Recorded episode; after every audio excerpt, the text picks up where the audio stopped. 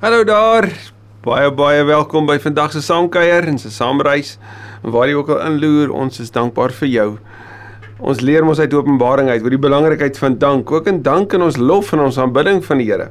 So baie baie dankie dat jy ook tyd maak dat jy saam met ons reis. As iemand jou dalk ingenooi het om vandag saam te loer of saam te kyk, wil ons vir jou sê baie baie welkom en geniet dit saam met ons. Al die notas is soos ouer gewoonte beskikbaar.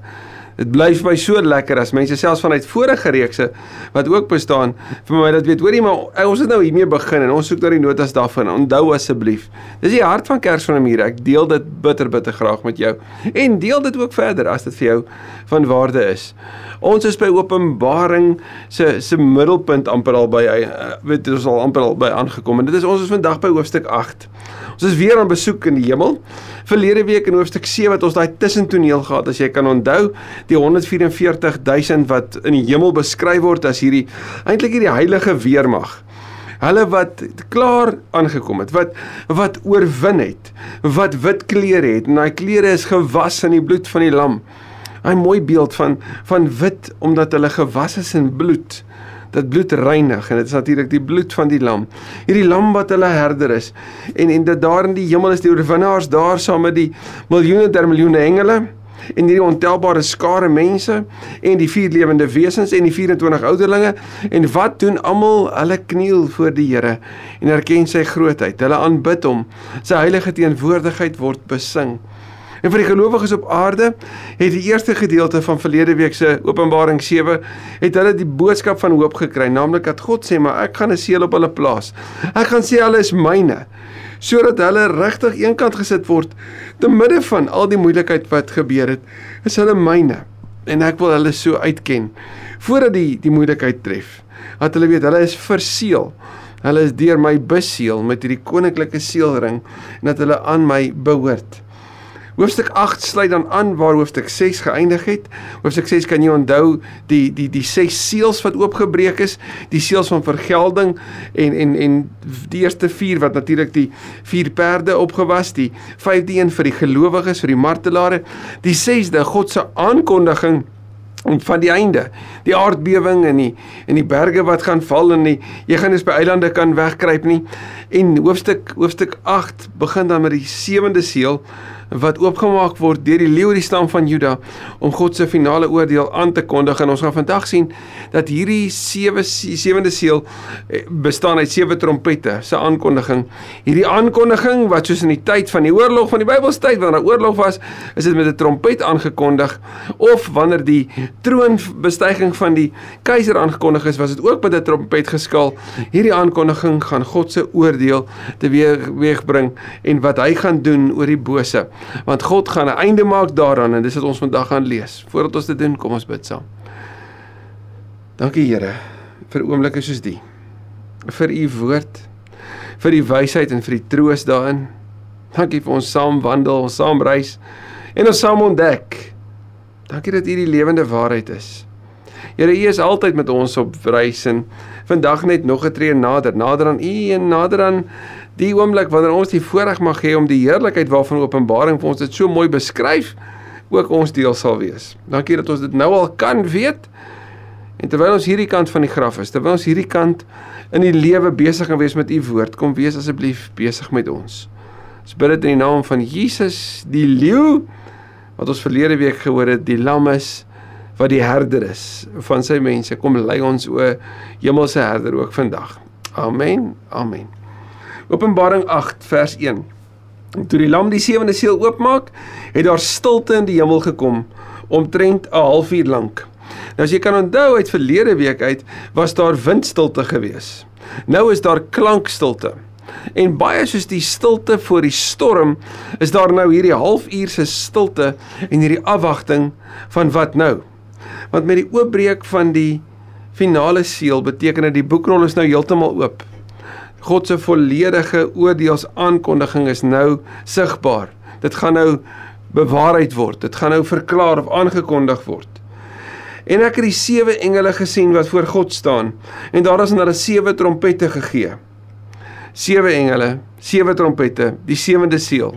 Sewe so die getal van teenwoordigheid en ag van volledigheid. Hierdie sewe kan natuurlik ook die sewe engele beskrywing wees van die sewe aardsengele wat deur die Jode so geglo is in die Jode Joodse apokaliptiek. So, daar's sewe engele met sewe trompette en ons gaan sien elkeen van hulle het ook 'n bepaalde aankondiging wat hulle gaan bring as deel van die oordeel wat vanuit hierdie sewende seël aangekondig word. 'n Ander engel het toe gekom en by die altaar gaan staan met 'n goue wierookbak. Nou 'n wierookbak was gewoonlik van brons gemaak gewees. Maar hierdie is 'n goue wierookbak en kan jy onthou dat dat die vier lewende wesens het elkeen 'n wierookbak gehad wat die gebede van die gelowiges ingehaat het en ons het daardeur vir mekaar gesê maar die wonder van hulle wat musiek maak is ook dat hulle die gebede voor God bring.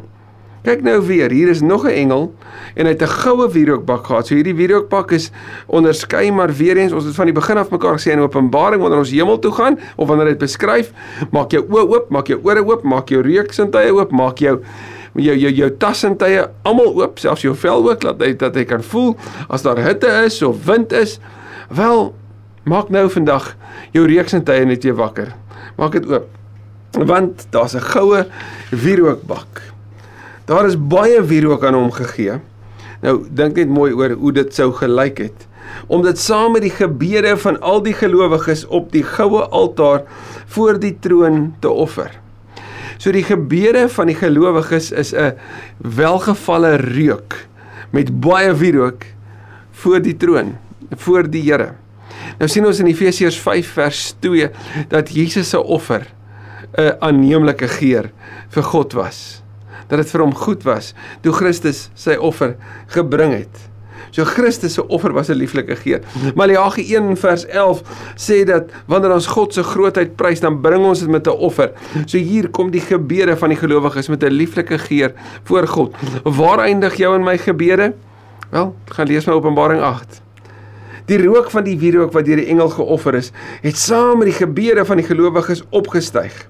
Nou Psalm 141 vers 2 sê dat ons gebede bereik God se troon.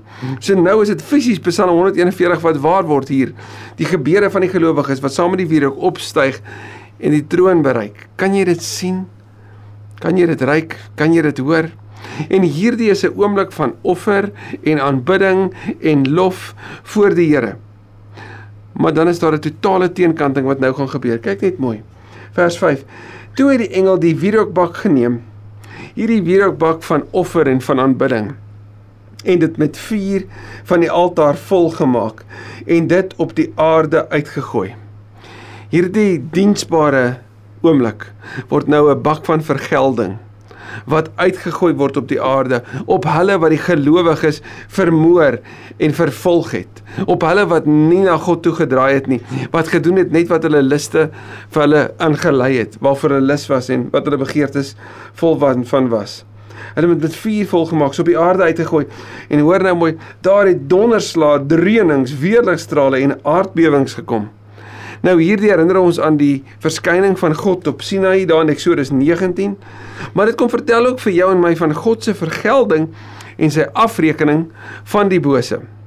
God maak klaar met die maghebbers. Met soos wat Rudolf de Tooy hulle noem, met die boelies. Hy stop dit. Rudolf Botha, skus. Hy stop hulle. Hy keer dit.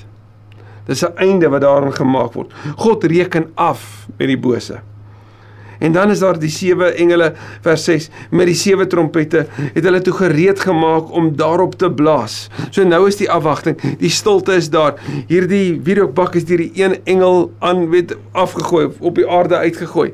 En nou sien ons die sewe engele en jy kan sien soos met die aankondiging van oorlog word word hierdie sewe sewe engele reg om te sê wat gaan gebeur.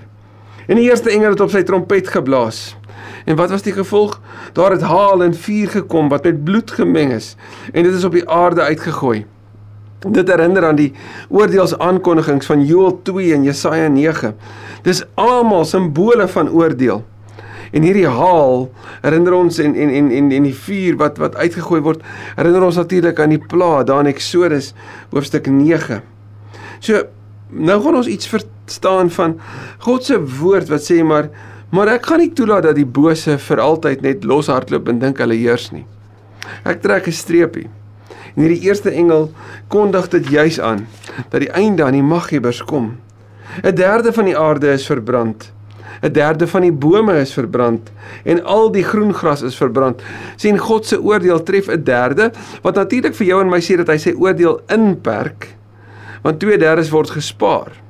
Maar hoekom perk hy dit in want dit wat God van die begin af gedoen het. En dit is natuurlik om iets te vertel van sy begeerte dat bekering plaasvind. Dat mense in hierdie oordeels aankondiging hoor, maar maar God wil nie hê dat julle so aanhou nie. Hy wil julle by hom hê. Hy wil hê dat julle van julle dade moet bekeer en na hom toe sal draai. So derde tref die skepping en dis die hartseer dat God se oordeel ook die die aarde moet tref. En dan kan jy mag sê maar hoe kan die Here oordeel? Wel ek wil vertel vir ons iets van sy regverdigheid en van sy heiligheid. En dat hy nie toelaat dat ek en jy luisever net kan aankarring soos ons wil nie. Maar het jy gesien dat daar's 'n derde van die aarde verbrand, 'n derde van die bome, maar al die groen gras ook. Hierdie teken van lewe groen gras kan nie God se oordeel ontsnap nie. Vers 8. Die tweede engel het toe op sy trompet geblaas. Iets soos 'n groot berg wat brand is in die see gegooi. Nou sommige reken hierdie kan 'n beskrywing wees van die berg Vesuvius wat in 97 of 79 na Christus ontvlam het, die vulkaniese uitbarsting van berg Vesuvius in net so voor 80 na Christus. En dat daai lava wat dan afgekom het, beskryf kan word hier. Of is hierdie dalk net apokaliptiese beskrywing wat belangrik is is dat God se oordeel nie net die berge tref nie, die berge wat die plekke van aanbidding was nie, maar dit tref ook die see. God se oordeel bereik ook die see. God se oordeel ontvlam en dit raak alles. 'n Derde van die see het bloed geword. En onmiddellik herinner dit ons aan die 10 plaae daar in Eksodus 9 en 10. 'n Derde van alles wat in die see lewe het dood gegaan en 'n derde van die skepe het vergaan. Nou die die see lewe was 'n bron van ekonomie en van finansiële welvaart. As 'n derde van die see lewe verdwyn en as daar bloed in die uh, op die see is en in die riviere is, dan sal dit tog die die skeepsvaart beïnvloed. Dit sou handel beperk en 'n derde sal verminder word. Maar weer eens 'n inperking op die oordeel want is net 'n derde. Toe die derde engel op sy trompet geblaas, 'n groot ster wat soos 'n fakkelbrand het van die hemel afgeval. Hy het op die derde van die riviere en op die waterbronne geval. So weer eens sien ons iets van die die sterrestelsel, die ganse skepping, die kosmos wat deel is van God se oordeel. En ek en jy moet weet dat die sterre is aanbid in die Bybelse tyd. Die son is aanbid, die maan is aanbid. En wanneer ons sien dat hierdie natuurkragte wat aanbid is onder die beheer van God is, dan sê dit mos dat die Here is soveel groter as die afgode wat die mense van Johannes se tyd aanbid en gedien het. En hier sien ons dat die ster tref en dit sou kon dui op 'n meteoriet wat in daai tyd die aarde getref het. Of is dit net simboliese taal? Want die argumente vir of teen is is regtig nie so sterk nie. Dit is baie moontlik eerder net 'n beskrywing, simboliese beskrywing. Handelinge 19 praat wel van Artemis en jy kan meer daaroor gaan lees. Wat wel belangrik is, ek en jy sien vuur hier en wanneer daar vuur is, is daar oordeel en God se oordeel tref nou die waterbronne. Die die bronne waaruit hulle hulle vars water gekry het. So nou nie net meer die see nie, maar ook die vars water en dit herinner ons verseker ook aan Eksodus 9 en 10. Die sterse naam is bitterals. In die Grieks is daai woord bitterals absinthos en dit ver, verwys na bitterheid. Daar was 'n plant in die, die tyd van die Bybel gewees wat geweldig bitter was. En wat ons eintlik hierin sien is dat hierdie oordeel van die Here maak die lewe vir die mens galbitter. Vir die mens wat nie na hom toe draai nie, wat nie toegewy aan hom leef nie. Derde van die water het bitter geword en baie mense het van die water dood gegaan omdat dit besmet was. Die bitter hartseer is dat die die mense vermom homself te vernietig lei tot 'n bitter swaar lewe vol bitterheid en verbitterdheid oor wat met hulle gebeur.